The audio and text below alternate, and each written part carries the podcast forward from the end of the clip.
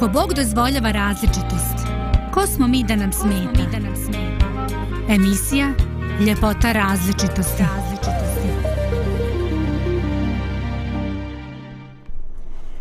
Dobro jutro, dragi slušalci Radio Pomirenja. Evo sada jedan muški duet u studiju pa da vidimo kako će i to funkcionisati. Dakle, Božedar je dobro nam došao ponovo u ekipu. Pozdrav, pozdrav, zdravko. Da, nije baš da smo lijepi kad smo sami muškarci, ali Bože moj, ajde, ne možeš uvijek sve imati. Ovaj, je li, je li sve u redu, kako se spavalo čovače? Kako se spavalo? Vrućina. Pa teško se spava kad je na polju preko 40 stepeni. Je li toliko? Juče meni u autu pokazilo 42 stepena. Majka moja, to je grad, da. Nemate drveća toliko i tako. Ovaj, a ništa nema bez onog seljačkog debelog sloja grožđa onako fino i onda se ode i tu negde između kuća da malo ima i propuha, e onda je to, onda je to nešto ovaj asfalt je asfalt je čudo i on nema osjećanja za ono što se nama i među nama dešava. No, ovaj evo mi imamo ovaj neku klimu koja za sad funkcioniše nama je u studiju ovaj dobro, ugodno relativno i ja ovaj želim da pozdravim dakle eh, sve naše slušaoce Radio Pomirenja i dio ekipe koji se nalazi na godišnjem ili gdje god kako god. Eto, da ste mi svi eh, živi, zdravi, želim da proživite još jedan dan i da vam ostre uh, E, u sjećanju kao bez obzira na temperaturu ili druge neke otežavajuće okolnosti kao nešto što je bilo e, prijatno. Ovaj, danas e, pričamo o ljepoti različitosti. I onda e, čitav život smo u nekoj e, konfuziji, u nekim različitostima, različite poruke dolaze ovaj, do nas. A kad čitamo knjige iz prošlosti, onda vidimo uh, da su postojali neki drugačiji svjetovi, drugačiji pristupi životu.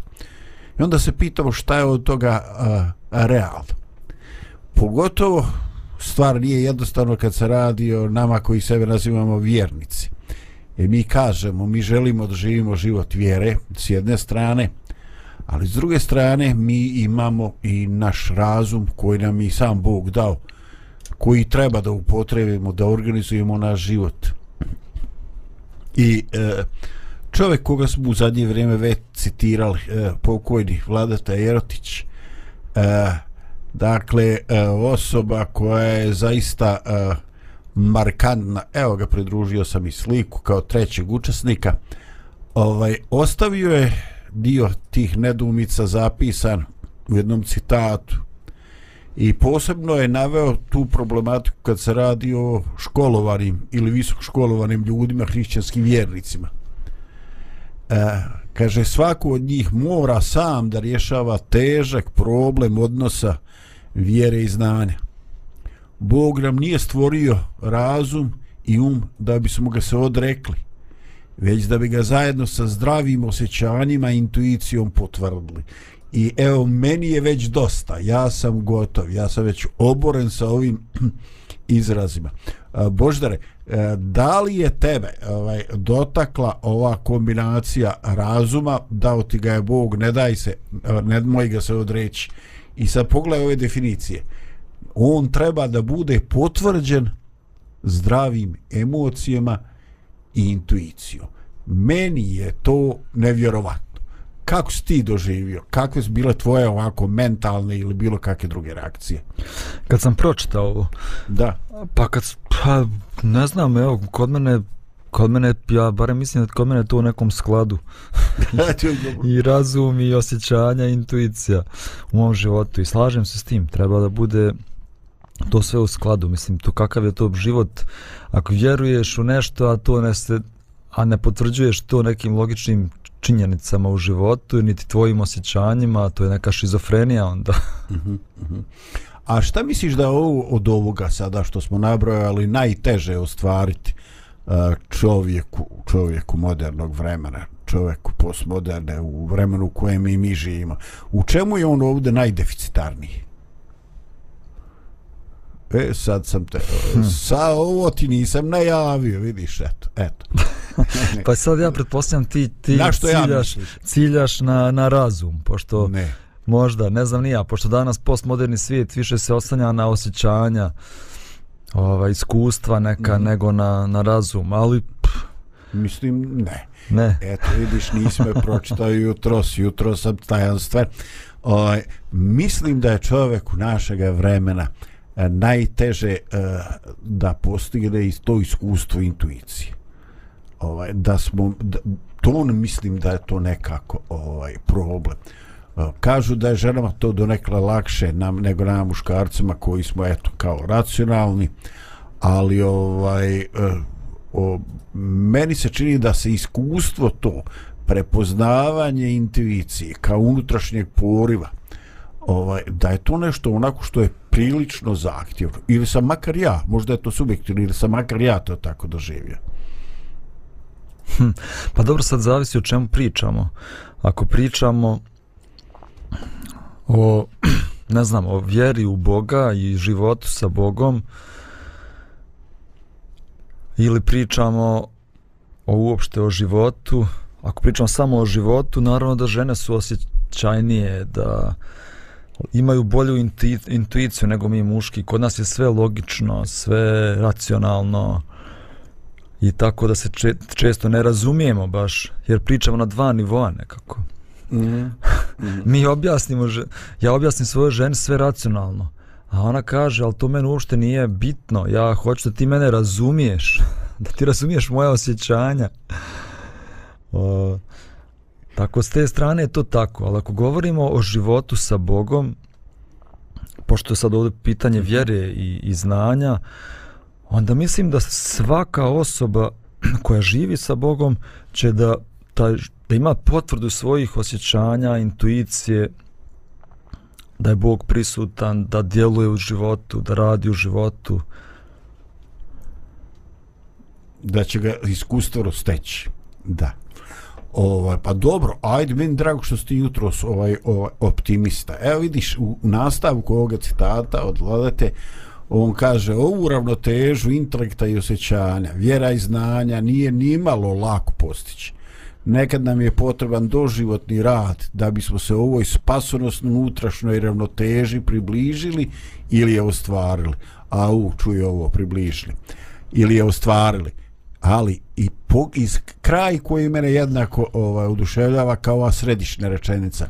Ljubav je uvijek bila i ostala najsigurniji put ovoga pomirenja i usklađenja.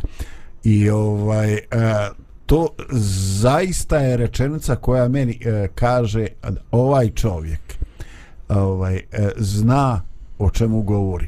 On nije samo intelektualac koji je povezao pojmove. On je e, sve to duboko duboko proživio. No možda je ovo posve dovoljno za ovaj uvodni dio pa e, idemo baš da malo muzike pa da nastavimo dalje.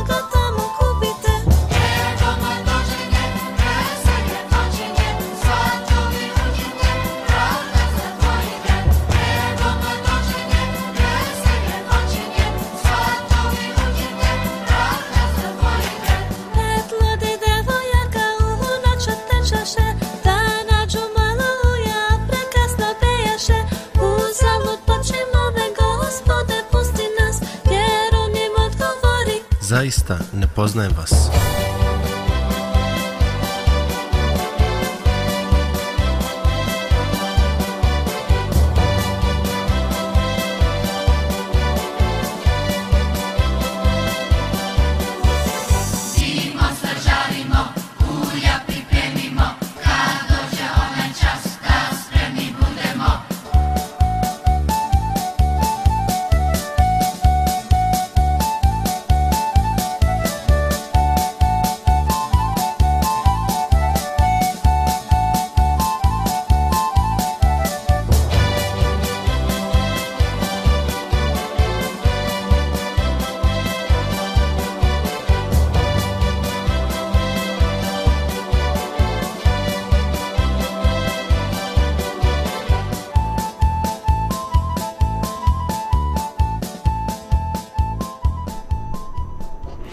Dakle, potrebno je da se susretnemo sa samim problemom. E, mi veoma lako razumijemo u vijeku u kojem smo e, potrebu da se bude racionalno, da stvari budu mjerljive, dokazive.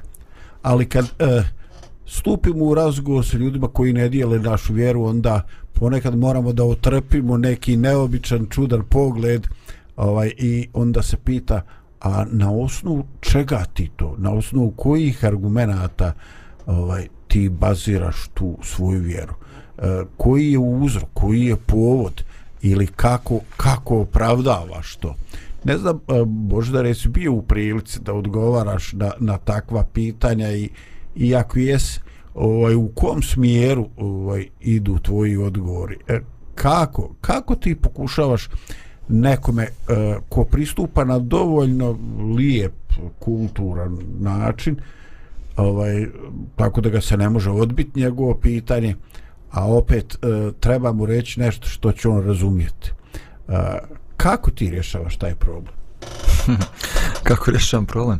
Pa ne znam evo ja sam pa ja sam odrastao u komunističkoj zemlji, znači, a ja sam rođen u porodici koja je vjerovala u Boga i nekako ta vjera u, u Boga usađena u mene od rođenja i onda sam imao puno problema u školi ovaj, zbog toga, jer sam ja praktično bio jedini jedino dijete koje je vjerovalo u Boga, koje je išlo u crkvu, koje je čitalo Bibliju.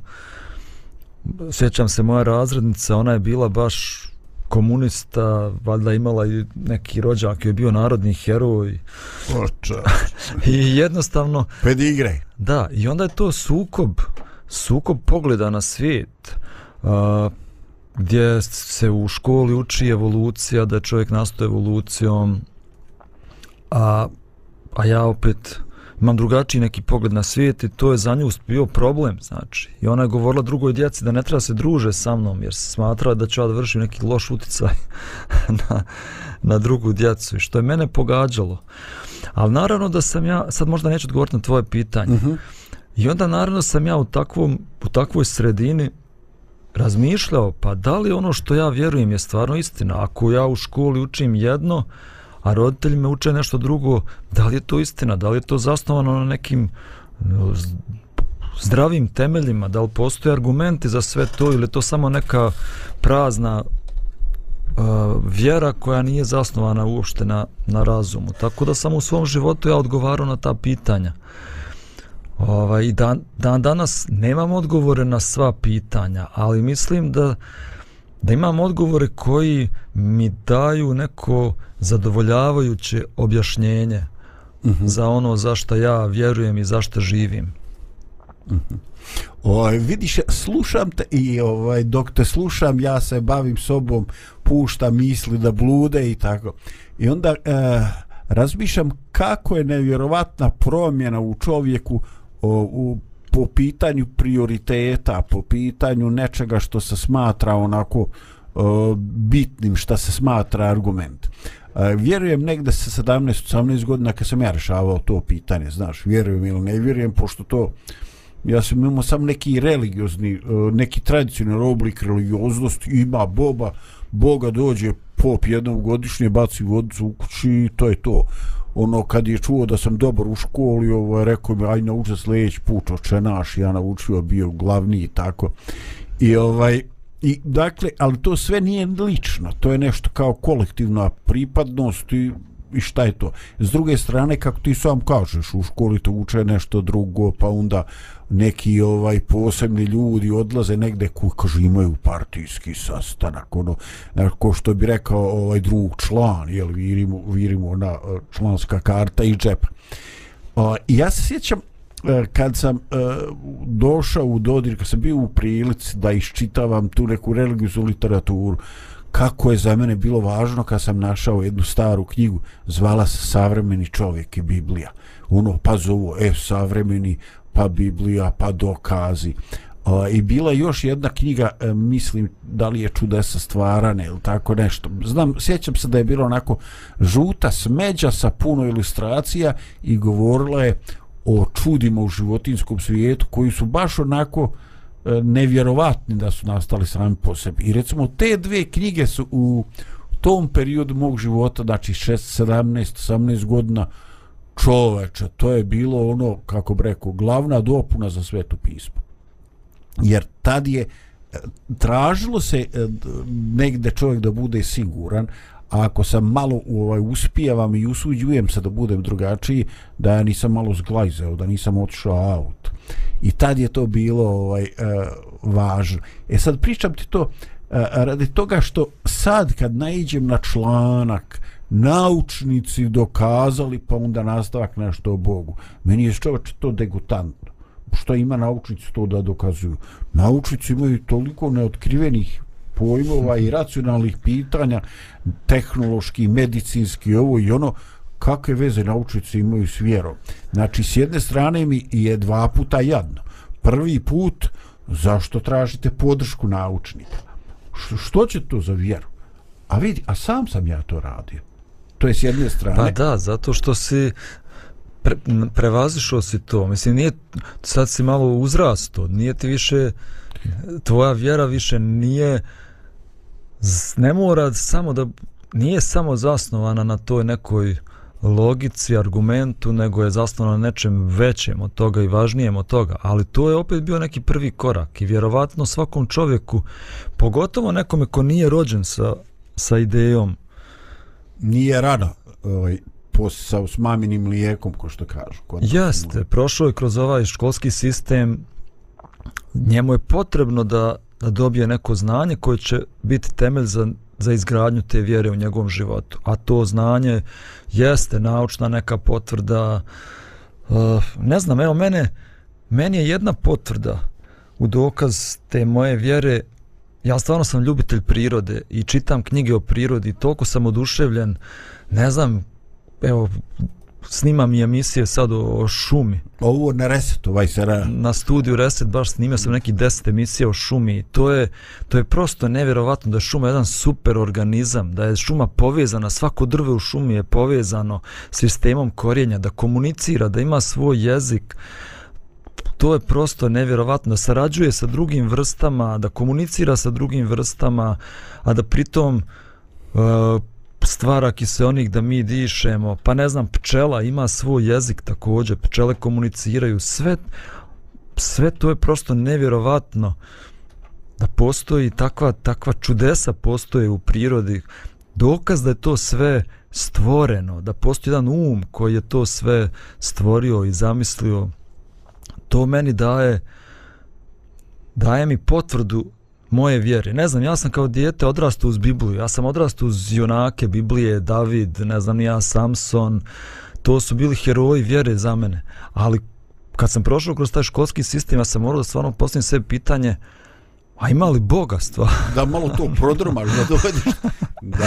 Fino je to čitati, ove lijepe su to priče. A ima li stvarno Boga? Ili je to sve neka samo izmišljotina i lijepe priče uz pavanke? Fikcija uz koju si naučio uspješno da živiš. Da, ali eto, bilo su mi potrebni ti neki dokazi mom umu, znači, da ja u svom umu imam dokaze, logične dokaze da postoji tvorac, da postoji Bog koji je stvoritelj ali naravno ni to nije dovoljno za život vjere o kojoj mi sad ćemo pričati vjerovatno. Da, ovaj vidiš, ovaj recimo to je to je fascinacija uh, upravo što su različite potrebe čovjek ima na različitom nivou. Dakle na tome nekom ajde u sud se reći početnom nivou mi trebamo i neke nedumice racionalne neka pitanja da odgovori i tako o, i kad to postane nešto sasvim izvjesno kad ovaj, Bog postane činjenica o kojoj se već ne prispituje jer čitao naše biće unutrašnje osjećanje sve što mi jesmo ovaj, govori da je to to onda se javljaju neka druga pitanja. Ovaj, kako taj saznanje pretočiti u neki realni život vjere u kome će uh, to funkcionisati u kome uh, Bog neće biti samo način ili identitetski osjećaj neke pripadnosti i tako. Da li se mi zaista mijenjamo? Da li ovaj, ta priča i vjerovanje u duh svetog vidi se to šta u mom životu? Dešava li se šta?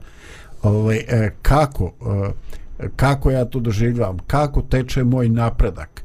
E, kako se to kosi sa svim onim što sam ja sa mojim egom sa svim ostalim naravno mi smo to ovaj već spominjali ovaj no prije što bi krenuli dalje ovaj evo ja bih baš onako sa zadovoljstvom znači e, e, je li bješe Reset Studio, Studio Reset, kako da bješe? Ovaj. Uh, baš bi preporučio ovaj tvoj ovaj, serijal, znači na Facebook, Facebooku, ovaj, Reset Studio ovaj, i playlista playlista ovaj, na opačke. Ovaj, dakle, uh, pogledajte ovaj serijal, nije još čitavo objavljen, koliko je objavljeno, dve ili tri emisije u serijalu Šumi? Mislim da su tri ili četiri. Tri. tri. Ne znam, nije tačno. Uh, ajde, ja sam vidio tri. Uh, I zaista vrijedi, dakle, ukucajte na YouTube ovaj, i na Facebook uh, Studio Reset, Reset Studio, ovaj, jedno od to dvoje i mislim da ćete biti zadovoljni ovaj, sa ovim serijalom. Znači, kratke emisije po 5-6 minuta. E, da, postoji potreba e, da nahranimo naš racionalni dio, da čujemo argumente, ovaj, ali postoji daleko veća potreba da čovjek se susretne, da zaista uh, Eh, unutrašnje osvjedočenje života da potvrdi sve ono što bi uh, što nam treba i kako svijet i život zaista funkcionišu. No, ovaj, možda je ovo trenutak da idemo opet na malu uh, pauzu dok pokušamo dalje razgrad, razraditi ovu temu.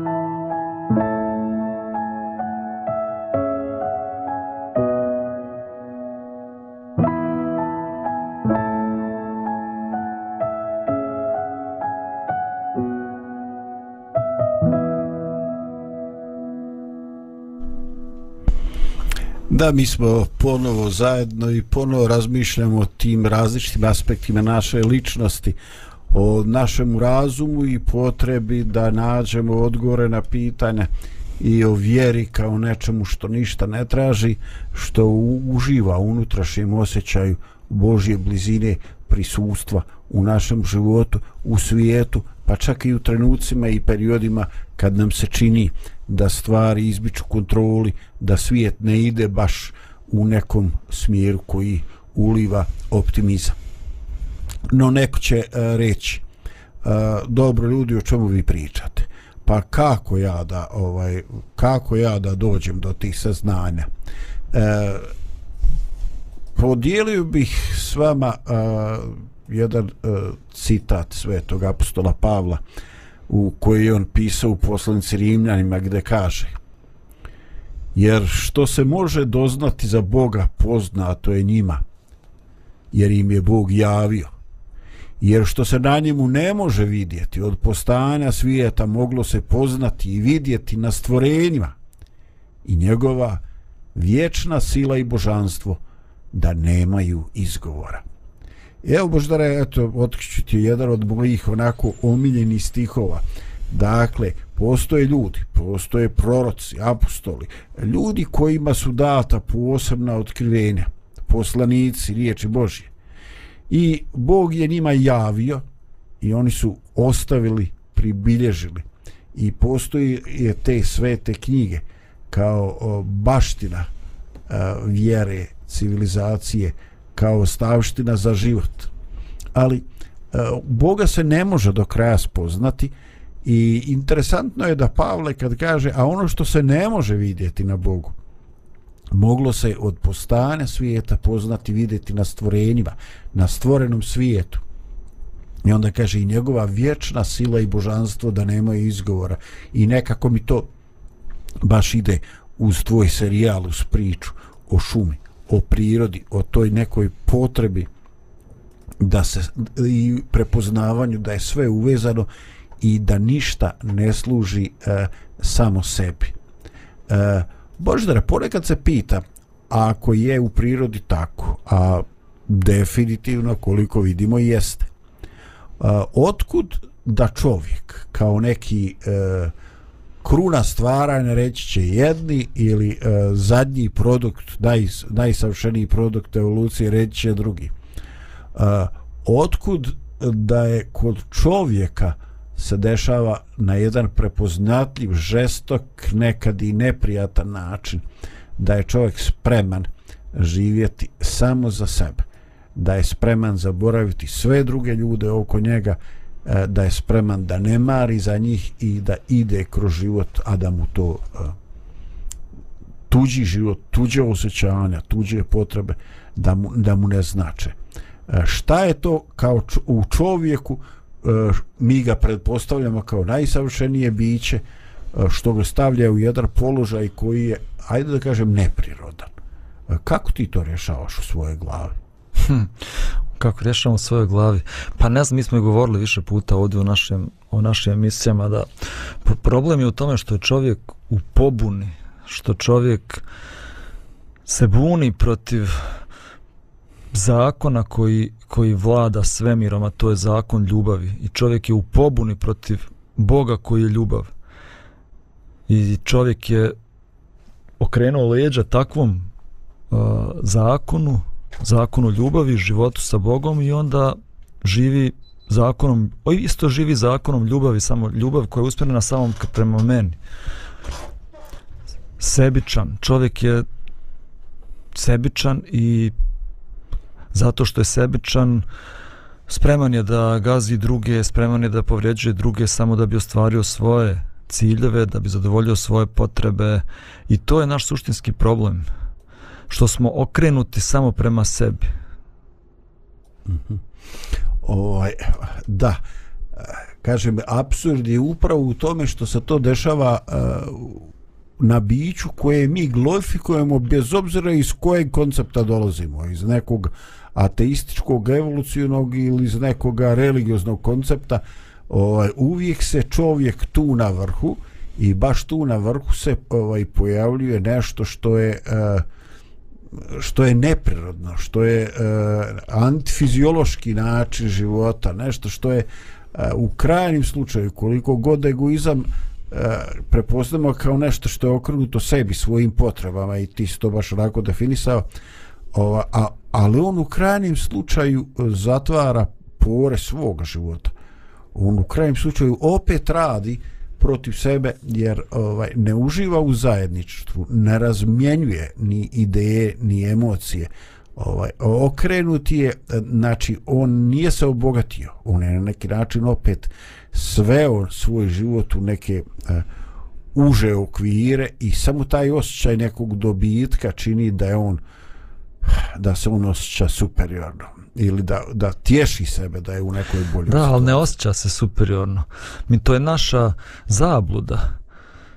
Da ne znam, što više steknem za sebe, što sam bogati, što imam više materijalnih dobara, što su moje, što više se moje potrebe zadovoljene, tada ću da budem srećan, ali na kraju svako shvati da to ne donosi sreću. Uopšte, prava sreća je samo onda kada ja služim drugome. Jer ti si sam rekao, sve u prirodi služi drugome. Svaka, svako drvo služi nekom drugom. Sve što postoji, sunce služi drugima. Svaki organ u našem tijelu služi nečem drugom. Kad bi jedan organ u našem organizmu samo pet minuta odlučio da bude sebičan, da služi samo sebi, mi ne bi više živjeli. Sve služi. Samo smo mi stvorili zabludu da nama treba da služe drugi. Da smo mi cilj svega ovaj, i na kraju fokusiramo svoj život za ostvarenje takvog cilja i onda na kraju shvatimo da smo potpuno promašili. Urušava nam se sistem. da. Jer ne možeš da živiš sam. Da. Kaže, nije sreća para puna vreća, to kaže oni što ih imaju. da, Sad ovi što ih nemaju, baš nisi sigurni kaj, kaj se pola te vreće odvadlo, da malo olakšam ovaj kredit i smanjim ratu ili tako nešto.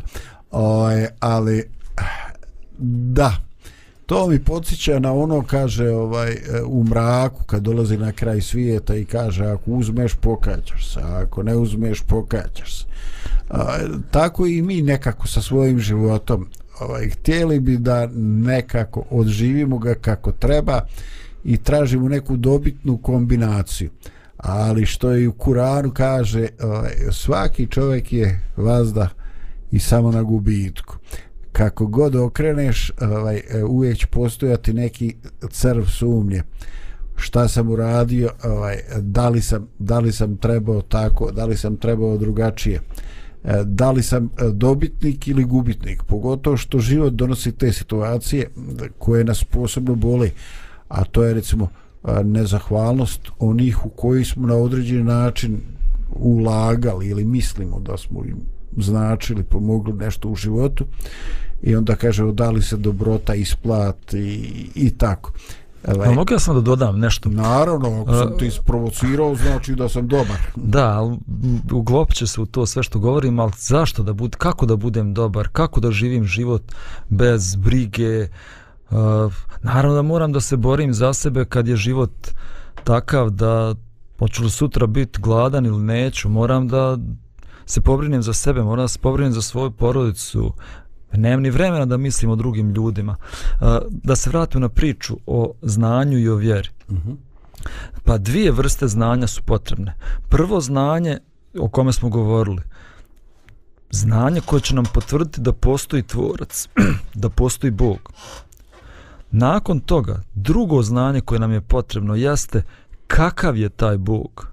Baš sam uh, prije nekoliko dana u jednoj crkvi sam razgovarao sa ljudima u toj crkvi baš o tome. Zašto je bitno da imaš pravu sliku o Bogu? Da imaš pravo znanje o Bogu? Kakav je stvarno Bog? Kakav je njegov karakter?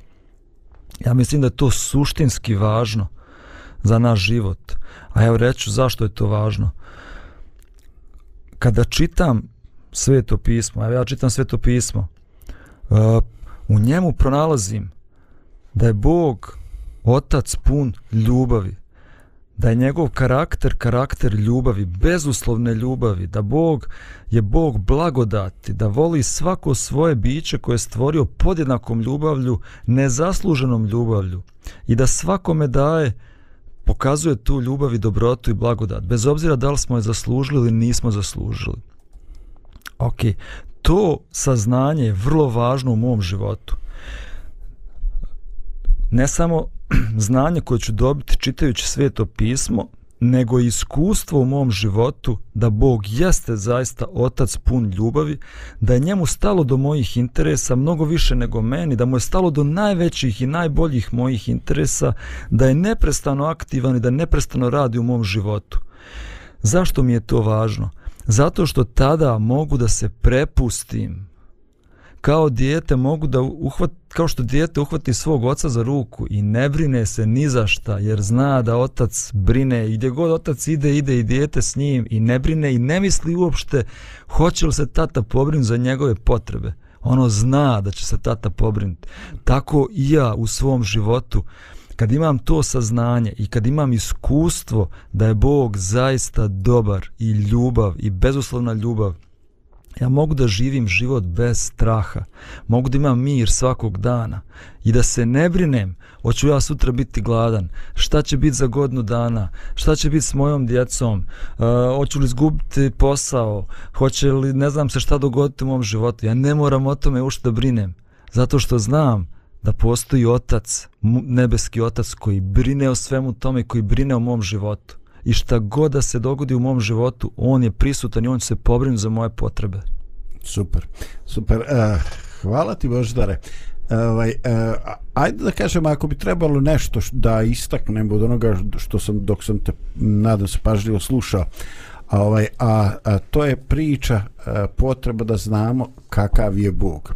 E, sjećam se jedne anegdote o dvojici ljudi koji su zajedno putovali kamionom i jedan je ovaj onako hvala Bogu i tako izgovorio u dva navrata onda ga ovaj pita je li čovječe e, je li, ti, je li to neka uzrešća ili ti stvarno vjeruješ u Boga?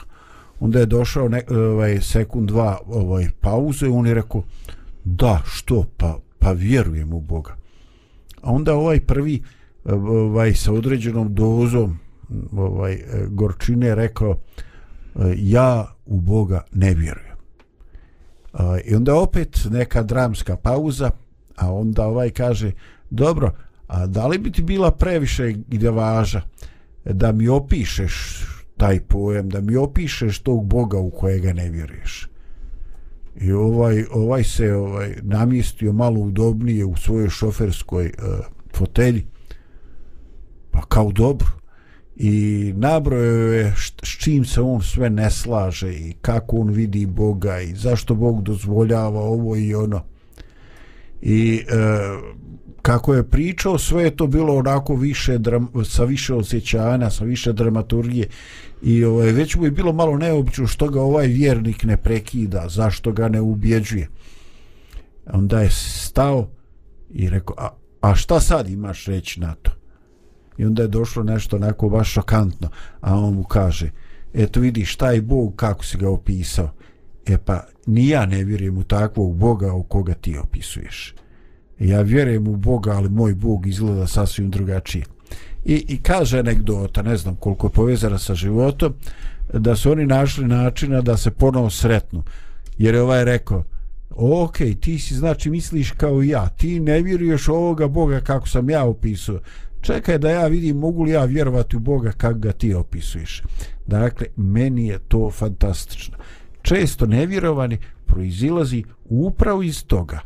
Ovaj, iz neke predođbe u Bogu koja je nastala uh, slušajući uh, život, slušajući tumačenje, slušajući neke argumente koji nisu bazirani na, na zdravoj duhovnosti, koji su bazirani Ali na već, pobuni ali većina ljudi to tako vjeruje, nažalost. I većina vjernika, evo ja idem po crkvama i srećem religiozne ljude, ne znam, jako mali broj ljudi, da ne govorim postotak, ne vjeruje da ga Bog voli i prihvata takvo kakav jeste bezuslovno, da ne mora ništa da uradi da ga Bog voli više ili da ne može ništa da uradi da ga Bog voli manje većina ljudi, većina vjernika se bori s tim i, i ne, prosto i ne prihvata takvu, takvu sliku Boga u svom životu. Veli što im je previše dobro da bi moglo biti istine, isto, je li tako?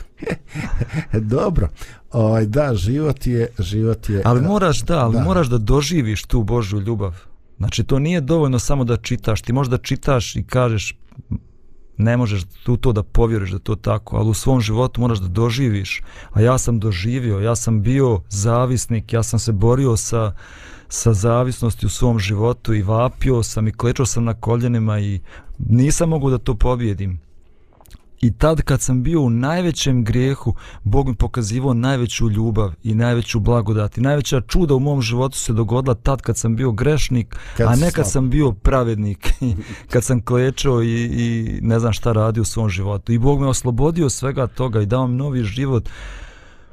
Ja ne znam zašto. Je li, ovaj, ja, je li ljudima bilo bolje s tobom kad si bio grešnik ili ovako kad sredio?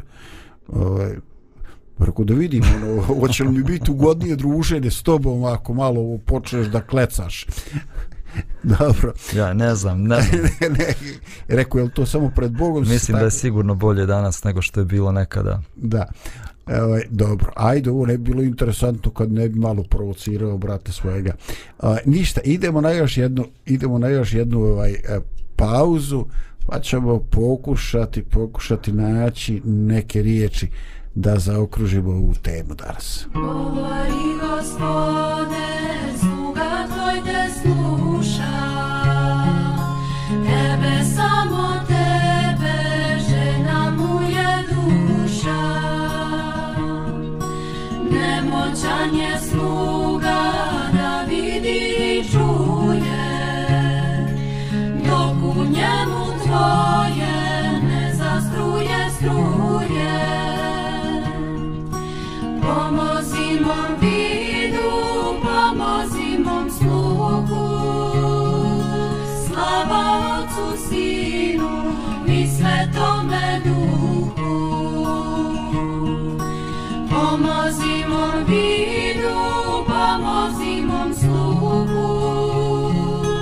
Слава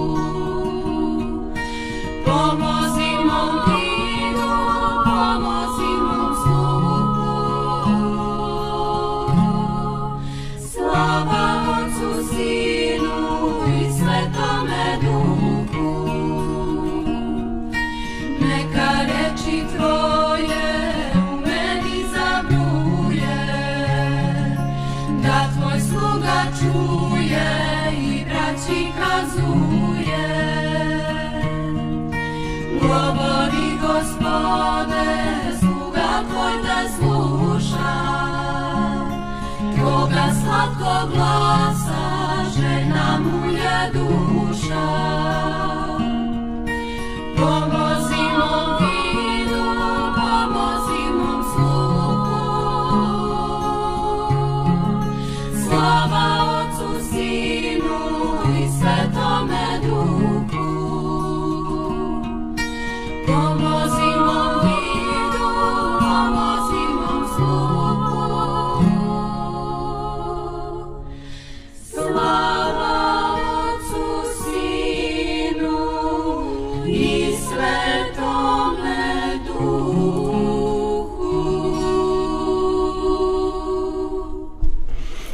I tako imamo problem u životu, problem traženja ravnoteže između naših osjećanja, između našeg racionalnog doživljaja života, između vjere i izme, u poimanju e, života kakav je on stvarno jeste, kakav bi trebao da bude. I tako, e, kao što reče vladata Jerotić, tako nam prolazi veliki ili cijel život da bismo uh, dokučili do ove ravnoteže ili da bi moju se makar malo približili. I ono što je definitivno, dakle, mi imamo problem.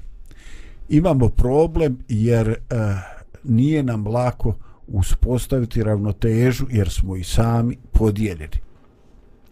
E, pred kraj bih e, postavio svima nama pitanje za razmišljanje e, ovaj, mi ćemo se vjerojatno definitivno složiti ovaj, da i osjećajnost je nešto što mora imati ravnotežu sa nekim drugim aspektima ovaj, života.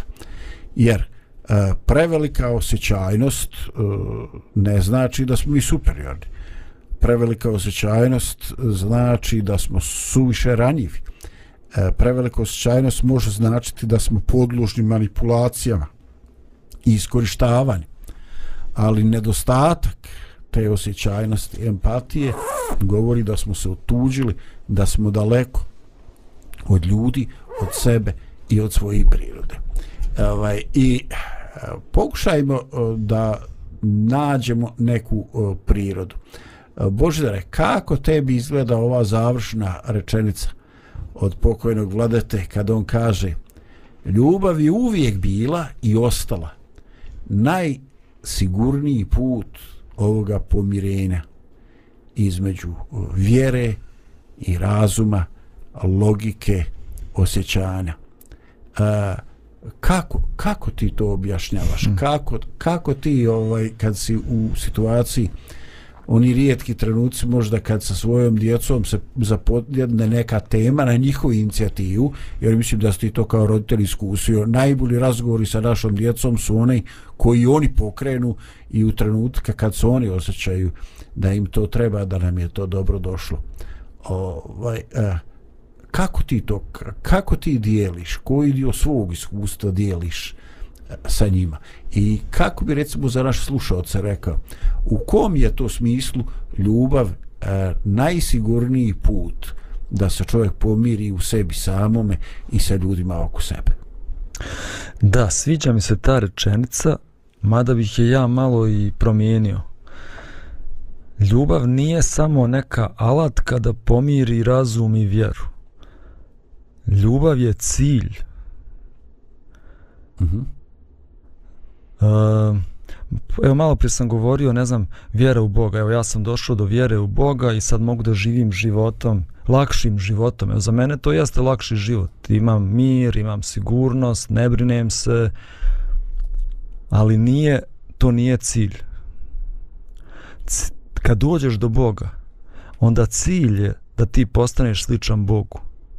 Da rasteš u ljubavi svakog dana I to je jedan najteži posao, jedna velika odgovornost koja se stavlja na svakog onog koji vjeruje u Boga, iskreno vjeruje u Boga i živi sa Bogom, a to je da postaneš kao Bog. Bog ti daje snagu za tako nešto. Naravno da mi to sami od sebe ne možemo. Bog nam pomaže u svemu tome, ali to je jedan put koji mi idemo, put usavršavanja, put napredovanja, put transformacije, rasta u ljubavi, svakog dana, da postaneš kao Bog.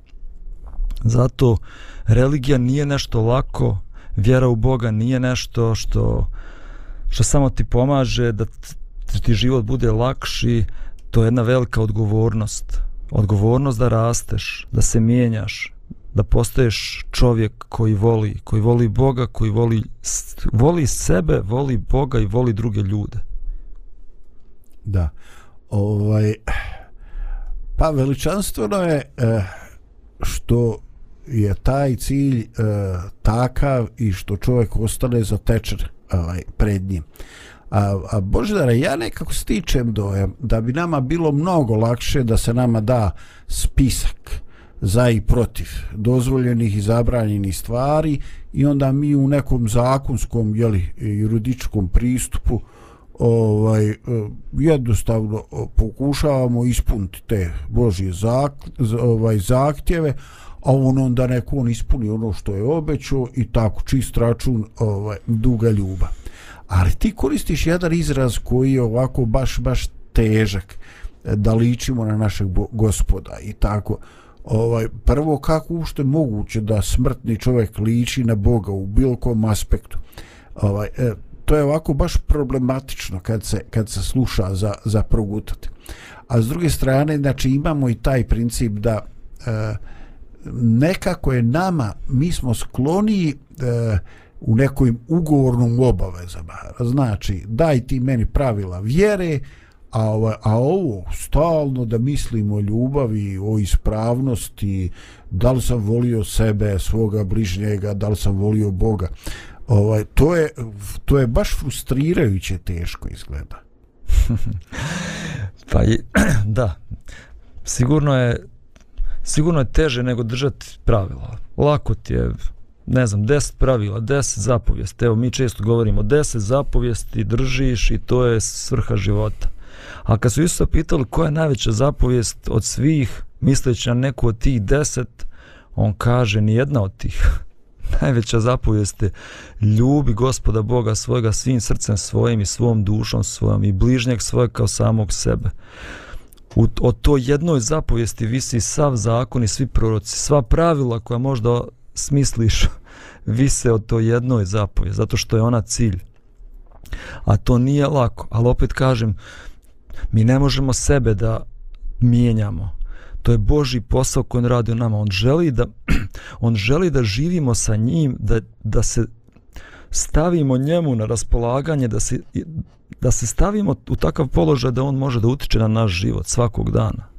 Kao dijete. Da, on i kaže, da on, ima stihova koji govore da on hoće da nas, da nas vaspitava kao što roditelj vaspitava svoje dijete.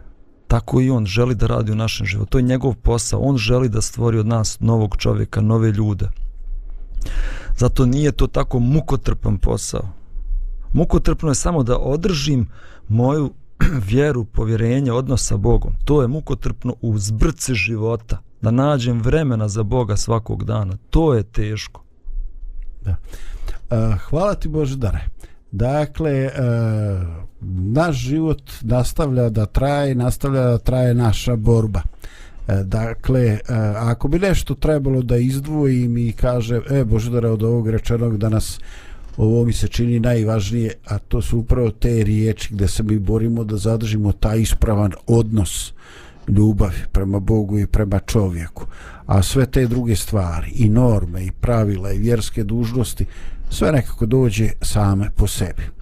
E, I pošto naše vrijeme za emisiju ova ističe, ja želim da vas pozdravim i da kažem nastavimo naše putovanje, naše traženje možda u nekim trenucima će biti previše pitanja, malo odgovora.